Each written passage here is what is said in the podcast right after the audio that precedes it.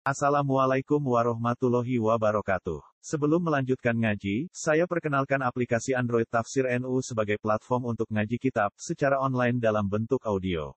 Tafsir NU berisi berbagai kajian kitab kuning dari berbagai ulama NU. Silahkan download aplikasi Tafsir NU di Google Play Store. Link download ada di deskripsi. Wassalamualaikum warahmatullahi wabarakatuh. Bismillahirrahmanirrahim. Al-khamisah ayyas'ala sahibal mali an qadril wajib alaihi atap orang yang menerima zakat pemungut pengambil zakat. Yang kelima hendaknya dia bertanya kepada pemilik harta an qadril wajib alaihi? tentang perkiraan yang wajib bagi dia. Ini berangkat dari pendapat Imam Ghazali dan madhab Syafi'i yang mengatakan zakat harus dibagi rata. Kan ulama berbeda pendapat apakah zakat boleh dibagikan satu kelompok atau harus semua kelompok. Imam Syafi'i dan Imam Ghazali dalam kitab Ikhya memilih pendapat supaya zakat itu dibagi semua kelompok ya fakir, miskin, gharim, apa ibnu sabil, sabilillah, amil dan seterusnya. Maka berangkat dari pemikiran itu fa nama yu'tihi fauqathumun seandainya apa yang diberikan dia melebihi seperdelapan karena kan Imam Ghazali menyaratkan maksimal seperdelapan dalam setiap kelompok. Kalau diberi lebih dari itu falayak minhu hendaknya tidak diambil. Li'annahu la yastahiqu ma'a syarikaihi illa thumuna. Karena menurut pendapat Imam Ghazali dia hanya berhak mendapat seperdelapan. Kan asnaf itu ada delapan. Semua harus dapat bagian. Makanya menurut Imam Ghazali setiap kelompok mendapat seperdelapan karena dibagi delapan kelompok. Kalau ada orang diberi lebih dari seperdelapan, menurut Imam Ghazali suruh mengembalikan. Fal yang kus minafsumuni miqdar ma yusrafu ilasnaini min sinfih. Hendaknya dikembalikan kelebihan dari seperdelapan yang lebih dari yang bisa dia bagi bersama dua orang dari setiap kelompok. Nah, ini kembali ke bab yang kemarin. Menurut Imam Ghazali dan ini salah satu pendapat dalam madhab Syafi'i, zakat itu harus dibagi delapan kelompok semua. Masing-masing dapat seperdelapan. Dan setiap kelompok harus minimal tiga orang Berarti penerima zakat itu harus delapan kali tiga Berapa? 24 Jadi pihak yang terima zakat 24 Tidak boleh diberikan dua orang, tiga orang Atau satu orang Menurut Imam Ghazali ya. Berangkat dari pemikiran itu Kalau ada orang diberi lebih dari seperdelapan Maka harus dikembalikan gitu. Su'alu wajibun ala aksaril khalqi. Pertanyaan begini ini wajib bagi mayoritas orang. Maksudnya dia menurut Imam Ghazali harus tanya. Mau saya diberi zakat satu juta. Saya harus tanya, Pak, zakat sampean sesungguhnya berapa? Dua juta. Loh saya kok diberi satu juta? Iya kamu saya beri separuh. Tidak boleh, suruh kembalikan. Karena dia hanya boleh menerima seperdelapan Karena rumusnya menurut Imam Ghazali harus dibagi ke delapan kelompok. Walaupun di sini ada perbedaan pendapat di kalangan ulama. Ada yang boleh kan boleh satu kelompok Ada berangkat bahkan ada yang mengatakan boleh pada satu orang. Tapi ini pendapat ini mengikuti pada pendapat yang sebelumnya. Fa innahum la yura'una hadhil qismah. Umumnya orang itu tidak memperdulikan soal aturan pembagian. imma li jahlin ada kalanya karena tidak tahu. Wa imma li tasahulin ada karena karena gegampang. Zakat berikan satu orang. Menurut Imam Ghazali tidak boleh. Saya zakat fitrah. Tak berikan satu orang. Tidak boleh. Harus dibagi delapan kelompok. Ada yang mengatakan minimal tiga kelompok. Beri satu orang tidak boleh. Tetapi ini juga ada yang membolehkan. Jadi fikih ini ada banyak pendapatnya. Wa inna ma yajuzu tarkus su'ali an misli hadhil umur. Diperbolehkan untuk tidak bertanya dalam masalah seperti ini. Idza lam yaghlib ala dhanni ihtimal tahrim kalau tidak ada dugaan kuat kemungkinan keharuman karena ya, seperti tadi, kalau menurut Imam Ghazali dibagi ini hukumnya wajib, ya. tidak boleh diberikan satu orang. Makanya kalau ada orang diberi harus tanya, ini untuk siapa saja, saya dapat berapa persen gitu. Hati-hati ya. Wa sayati dzikru madhan soal wa darjatil ihtimal fi kitabil halal wal haram insyaallah. Nanti akan diterangkan lagi di mana harus tanya, di mana tidak bertanya seberapa besar kemungkinan halal haram dalam bagian kitab halal dan haram insya Allah. Ya. Jadi ini menurut Imam Ghazali zakat itu harus dibagikan pada semua kelompok. Makanya orang harus bertanya apakah bagian dia itu tidak mengambil jatahnya kelompok lain. Ya. Ini berangkat dari kaul yang mewajibkan zakat harus dibagi rata. Ya. Akan tetapi ada juga pendapat yang mengatakan tidak harus rata. Yang penting diberikan salah satu dari delapan asnaf. Ya. Ini pendapat yang lebih dipilih oleh mutakhirin. Ya. Sekarang al-faslur rabi fasal yang keempat. Ini ganti fasal fasal yang terakhir dari bab zakat dalam kitab Ihya. Al-Faslur Rabi fi sedekati tatawu Fasal yang keempat tentang sodakoh sunnah. Wa fadliha dan keutamaan sodakoh sunnah. Wa adabi ahdhiha wa ayataiha Dan etika adab mengambilnya atau memberikannya. Ini dibahas secara tersendiri. Karena yang di atas itu menerangkan tentang zakat yang wajib. Setelah wajib masih ada yang sunnah. Seperti sholat ada fardu ada sunnah. Puasa ada yang fardu ada yang sunnah Bayanu fadilatis sodakah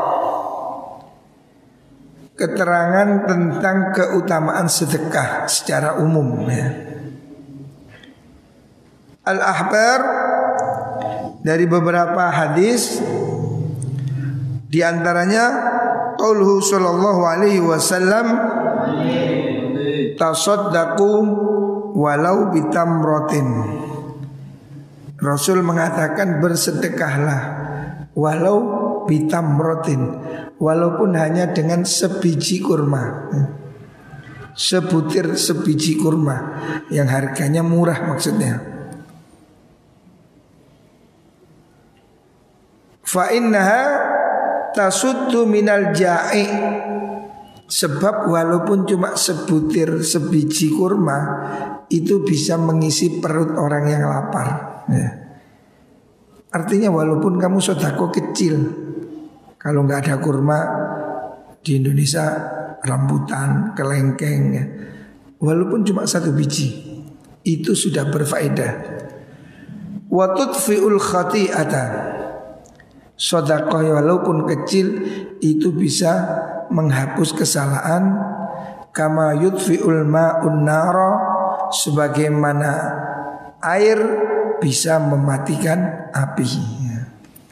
Artinya walaupun kecil Sodakoh itu tetap berarti Jangan nunggu kaya ya. Sodakoh jangan menunggu satu M Seribu, dua ribu itu sudah bagus ya. Makanya kita bikin gerakan sehari seribu Gerakan sedekah sehari seribu rupiah Seribu rupiah ini kalau dikumpulkan banyak rek. Umpamanya alumni Anur ini ada seribu orang Kalau setiap hari ada lima ratus saja Sodako seribu kali lima ratus berapa? Lima ratus ribu Kali tiga puluh hari 15 juta Seribu itu sangat berarti ya. Makanya kita punya gerakan lazis itu untuk itu. Kita mengharap gerakan seribu saja Tidak usah gede-gede. Seribu susu rokok. Kemarin ada alumni lucu Datang ke sini Mau ngasih saya uang. Saya bilang kamu jangan ngasih saya Kasih kotak lazis saja. Situ minta ke kantor kotak lazis Saya kasih kotak. Tidak isi ya. Dia kan merokok. Saya bilang kamu merokok? Iya. saya minta rokok satu lencer satu hari. Ya. Berapa rokok satu lencer? Satu apa? Satu batang. 1500 ya sudah rokokmu setiap hari saya minta satu batang masukkan ke omplong lazis ini jadi kamu kumpulkan setiap hari ngerokok satu batang satu batang kalau sudah 10 batang kamu tebus masukkan ke omplong itu rokok saya. Iya sanggup sudah. Nah, suatu saat datang ke sini, Gus saya mau nyaur. Loh, ada apa? Itu saya ngisi di omplong. Suatu saat saya nggak punya uang, saya cukit lagi, saya buat beli rokok. Katanya, wah, mau. Jadi dia saking takutnya pada saya karena saya bilang itu rokok satu batang milik saya. Masukkan ke sini. Terus suatu saat kan itu tidak ada kuncinya kodak lazis itu. Dicukit dibuat beli rokok. Terus datang ke sini mau nyaur. Loh kamu nyaur apa? Itu omplongnya kemarin saya cukit. Yuk balik nona omplong itu bukan duit saya gitu. gerakan seribu rupiah ini lumayan saya berharap gerakan lazis seribu rupiah ini menjadi kekuatan. Untuk apa? Untuk beasiswa santri khususnya yang program tahfidz gitu. Wa qala sallallahu alaihi wasallam Ittaqun nara walau bisyakki tamratin Hendaknya kamu jauhilah neraka walau dengan sedekah separuh kurma. Kurma satu ditugel saking kecilnya maksudnya. Walaupun cuma separuh. Fa illam tajidu kalau kamu tidak menemukan atau kamu nggak punya yang dibuat sodakoh betul-betul nggak ada. Fabi kalimatin toyibatin hendaknya kamu sodakoh dengan ucapan yang baik ya ini hadis riwayat Imam Bukhari dan Muslim. Ngomong yang bagus itu sedekah ya. Jangan ngomongnya nyente-nyente, tahu nyente-nyente. Jangan kasar, apalagi pada orang tua dosa ya. Jangan biasakan ngomong tidak apa intonasinya ini tidak tidak menyenangkan gitu. Yo, bu, moh gitu. Jangan ngomong yang kasar. Kalau kamu tidak bisa sodakoh uang, sodakoh senyum, ya, sodakoh omong yang lembut, fabi kalimatin, toyibatin. Hendaknya kamu sodakoh ucapan yang baik, ya, yang sopan. Wa qala sallallahu alaihi wasallam Ma min abdin muslimin yatasaddaqu bi sadaqatin min kasbin thayyibin illa kana Allahu ya'khudhuha biyamini. Tidak seorang pun hamba yang bersedekah dengan sodakoh dari pekerjaan yang halal. Ya. Ingat, sodakoh, sodakohnya harus dari pekerjaan yang halal. Wala yaqbalullah illa tayyiban. Allah tidak mau menerima sodakoh yang tidak bagus. Ya. Siapa sodakoh dengan harta halal illa kana Allahu ya'khudhuha biyamini. Maka Allah akan mengambil sodakoh itu dengan tangan kanannya. Maksudnya dengan keriduannya fayurabbiha lahu. Allah kembangkan zakat itu. Pahalanya ditingkatkan. Kama yurabbi ahadukum fasilahu. Sebagaimana kamu di antara kamu merawat anak sapi kalau kamu punya anak kambing, anak sapi pasti dirawat dengan bagus Allah menerima sodakoh yang halal seperti Allah seperti kamu menerima anak kambing, anak sapi dipelihara baik sehingga besar. Hatta tablughat tamratu mithla uhudin. Sodakoh yang diberikan seandainya itu hanya berupa satu biji kurma dikembangkan pahalanya oleh Allah mithla Uhudin sampai sebesar gunung Uhud. Artinya pahala sodako itu dilipat gandakan oleh Gusti Allah. Wa qala sallallahu alaihi wasallam li Abi Darda Allah berkata pada sahabat Abu Darda Idza tabakhta mirqatan fa'akfir ma'ah Kalau kamu masak sop Mirqah itu makanan yang berkuah ya. Kalau hari ini sop gule ya. Mirqah Mirqah itu masakan yang ada kuahnya Pesan kanjeng Nabi Kalau kamu masak yang ada kuahnya ya Bagaimana fa'aksir ma'aha hendaknya kuahnya diperbanyak. Jadi kalau kamu bikin gulai, soto, sop, kuahnya ditambahi.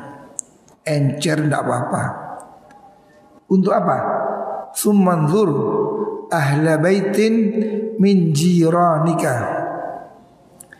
Kemudian kamu lihat tetanggamu ya rumah-rumah sekitarmu. Fa'asibhum minhu bima'rufin. Hendaknya kalau kamu masak itu tetanggamu kamu beri. Oh itu nggak masak kamu kirim. Sebelah kamu kirim. Budaya ater-ater itu kalau di Jawa namanya budaya ater-ater ngasih masakan. Itu ada dalilnya ya. Rasulullah Shallallahu Alaihi Wasallam menganjurkan supaya kita kirim masakan kepada tetangga. Ini hadisnya riwayat Imam Muslim. Ya. Artinya walaupun masaknya itu jangan terong, ya. soto tahu umpamanya, rawon belonceng. Ya khas santri Walaupun kamu tidak masak yang istimewa Eh kalau ada tetanggamu mau berilah ya Jangan tetangga cuma dikasih baunya Nyate baunya kebul-kebul Tapi tetangganya tidak diberi Itu menyiksa. Nah, Baunya kan menyengat. Nah. Wa qala sallallahu alaihi wasallam Kullu mri'in Oh, ma ahsana abdun as-sadaqah illa ahsanallahu azza wa jalla al-khilafata ala tirkatihi.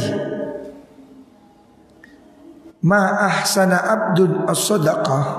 Tidak ada seorang yang memperbaiki sedekah. Maksudnya apa? Sedekahnya dengan situasi yang menyenangkan. Hatinya ikhlas Memberikannya dengan sopan Dengan tidak menyakiti ya.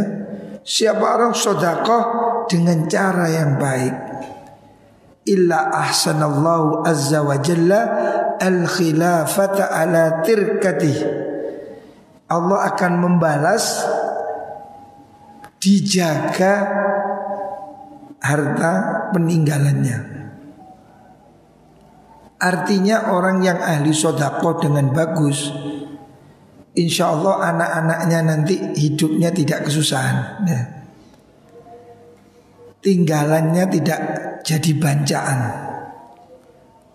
Ini salah satu faedah sodako Sebab anak turun, cucu anak cucu itu mendapat bagian kebaikan dari kakeknya. Kalau kakeknya itu dulu ahli sodakoh, pasti anak-anaknya besok dijaga oleh Allah. Hartanya dijaga, anak-anaknya dijaga. Ya. Ini kelebihan sodakoh. Ya. Jadi kalau kamu kepingin anak-anakmu, cucumu besok hartamu itu terjaga, tidak korat karit, yang rajin sodako.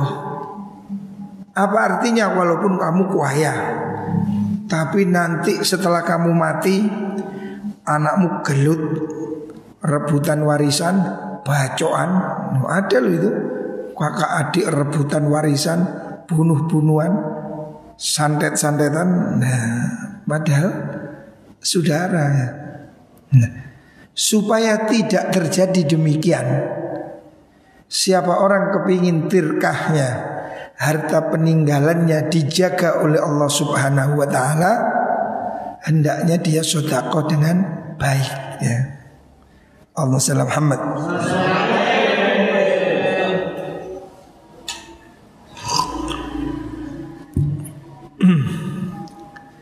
Wa qala sallallahu alaihi wasallam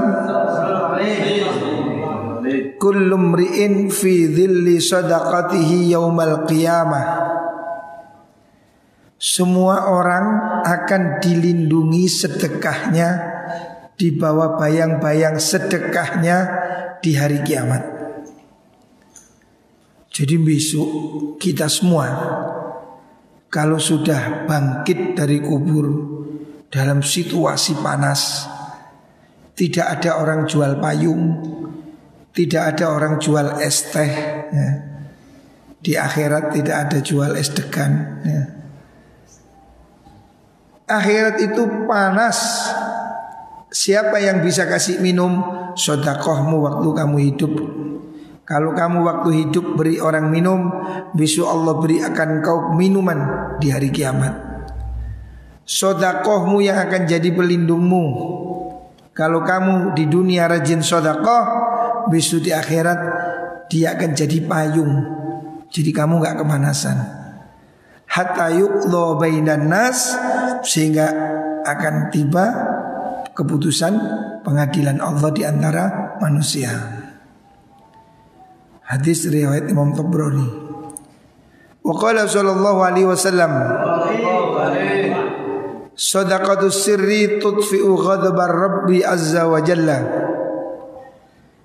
Sodakoh sirri Sodakoh secara diam-diam.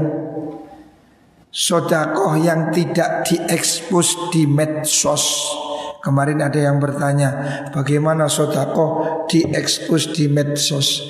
Kalau tujuannya ria, pamer Jelas tidak dapat pahala. Ya tidak boleh.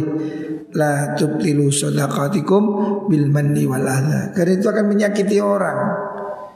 Orangnya kamu foto jebret diupload. Dia kan malu nerima uang diupload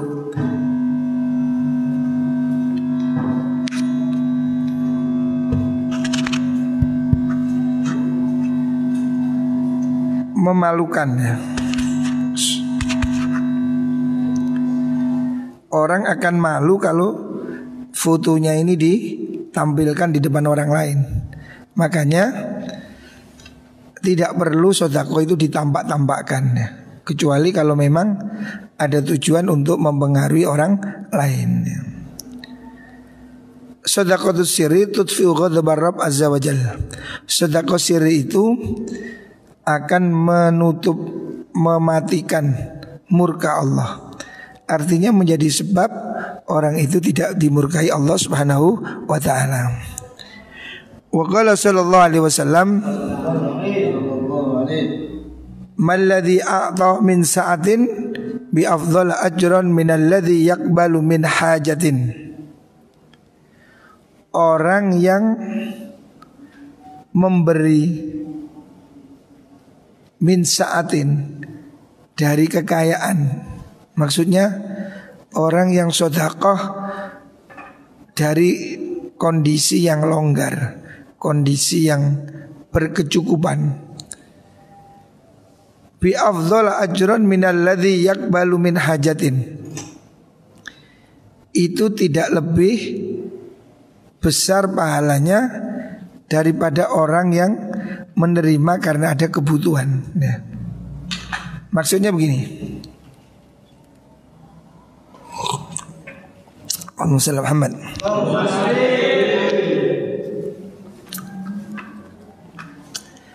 Artinya orang yang menerima sodako itu tidak buruk ya. Tidak selalu orang yang menerima sodako itu jelek ya. Bahkan kadang ada orang menerima sodako itu justru pahalanya lebih besar ya. Jadi maladhi atau min saatin bi afdhala ajran min alladhi yakbalu min hajatin. Orang yang memberi dalam kondisi kaya itu belum tentu lebih besar pahala dibanding orang yang menerima karena butuh. Maksudnya apa?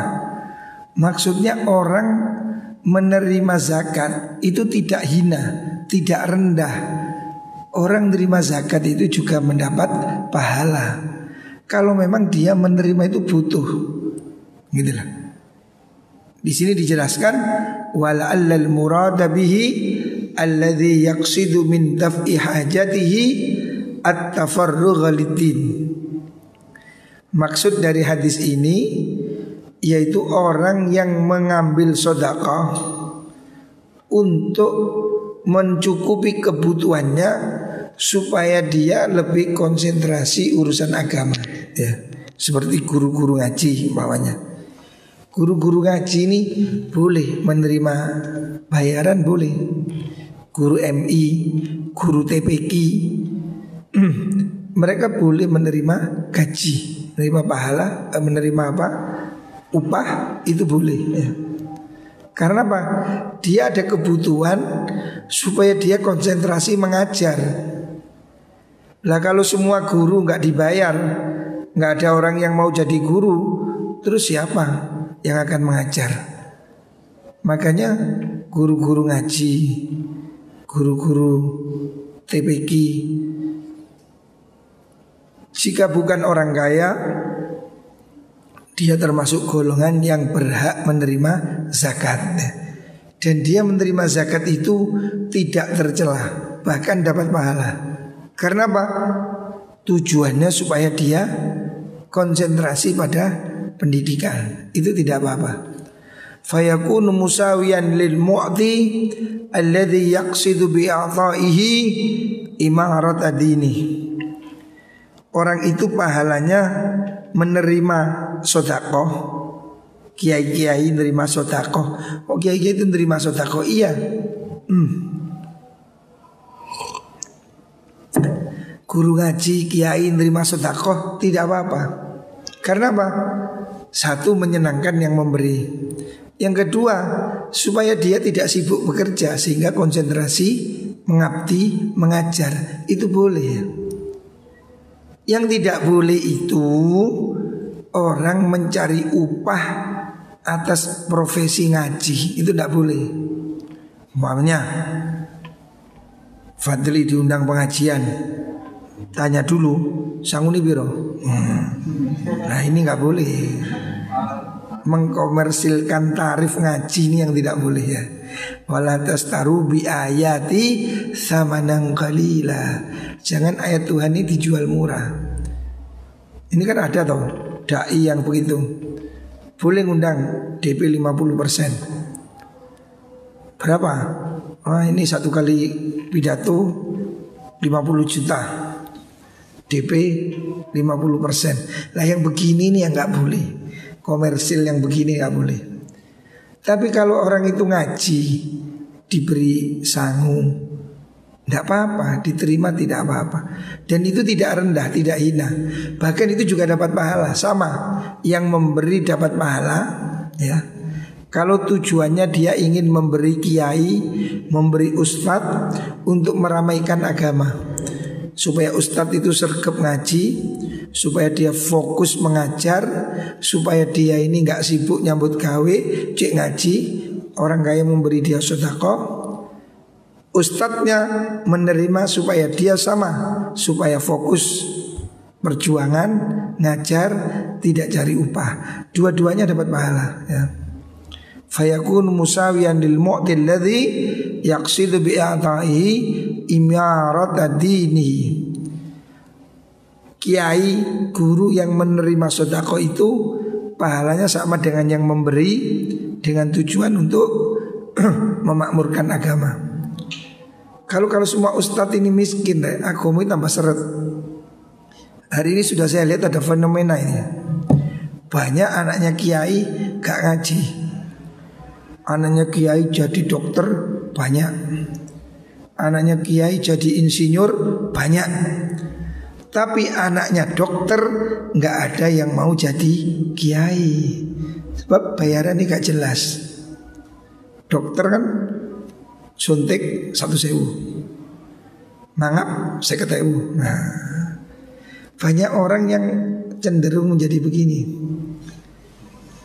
Saya bilang banyak orang yang kapok jadi kiai. Saya bilang ke teman-teman saya kamu sudah kapok jadi kiai. Loh kenapa? Enggak. Buktinya Anakmu sudah nggak ngaji.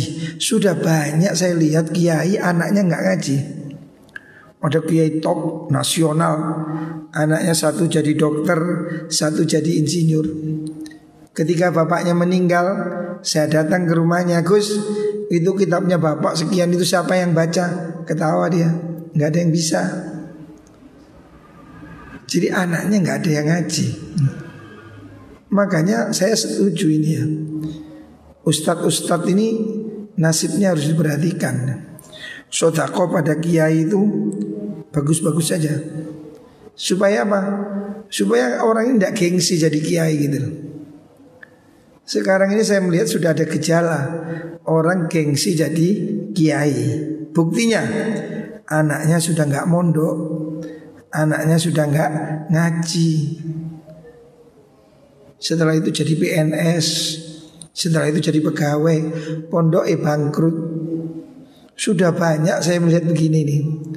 Banyak pondok ya, beberapa saya lihat anaknya nggak ada yang ngaji, anaknya sibuk jadi pegawai, jadi PNS, jadi dosen, pondoknya ditinggal. Di kampung-kampung itu banyak es. Ya karena jadi kiai itu mungkin profesi yang tidak menjanjikan. Bayarannya biar kiai. Hmm. Padahal kalau dia ngerti yang menggaji adalah Allah Subhanahu wa taala. Jangan takut ya. Jadi kiai jangan takut. Yang beri rizki Allah ya. Jangan kayak ada ustadz kemarin saya lihat di YouTube ketawa saya. Ustadz yang sorbanan jual minyak wangi. Wah itu. Saya ini susah sekarang ini karena corona tidak bisa cari nafkah. Loh, memang ustadz itu nafkahnya pidato. Nah ini salah ini. Bagaimana pidato dianggap nafkah? Harusnya ya kerja aja kalau begitu caranya ya. Artinya berdakwah itu jangan dijadikan tempat cari uang, bahaya ini ya. Adapun kalaupun dia ngaji diberi itu tidak apa-apa ya. Sama dengan guru wajib dimuliakan. Tapi guru tidak boleh minta dimuliakan. Ayo ambungkan tanganku, nggak boleh. Tapi muridnya mencium tangan guru wajibannya gitu loh. Jadi jangan ada orang yang jual beli ilmu ya, itu tidak boleh. Ya. Ilmu harus didedikasikan untuk ibadah pada Allah Subhanahu wa taala. Wasuila Rasulullah sallallahu alaihi wasallam ayu sodako afdol Ada orang bertanya kepada Nabi Nabi sodako itu yang paling bagus yang bagaimana?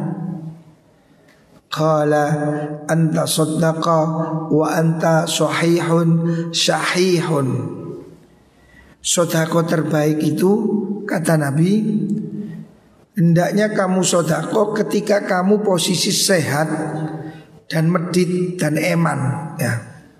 Orang kalau masih sehat ini kan keinginannya banyak. Lah, waktu seperti ini sodako pahalanya besar. Sebab kita sedang giat-giatnya kepingin suki. Sodako pada saat itu nilainya tinggi. Ta'amulul ghina wa tahsal faqah. Ketika kamu sedang ingin jadi orang kaya dan takut miskin. Kan orang baru kerja biasanya kan gitu. Anak muda baru kerja, baru sukses. Itu kan impiannya tinggi. Kau pengen punya Mercy? Kau pengen rumah tingkat tujuh Istri empat? Pokoknya itu sedang dia sedang kemaruk-kemaruknya Nah, sodako pada saat kemaruk itu loh, ya, untuk mengendalikan sifat rakus itu loh, itu yang bagus ya. Walatumhil hatta idza balagatil hulquma qulta li fulanin kadza wa li fulanin kadza ala waqad kana li fulan ya. kata Nabi sodako itu jangan nunggu kamu tua sudah setruk sudah sepuh baru sodako sudah di rumah sakit baru mengatakan anu ya kalau saya mati anu berikan anu itu berikan anu ini berikan itu. Karena kamu tidak ngomong pun dia akan dimiliki dia gitu kamu belum ngomong pun kalau kamu mati hartamu sudah pasti diambil orang lain. Jangan memberi ketika kamu sudah tidak berdaya. Ya. Jangan memberi ketika kamu sudah tidak butuh Wis mati baru sodakoh Ya lebih baik tapi daripada tidak ya.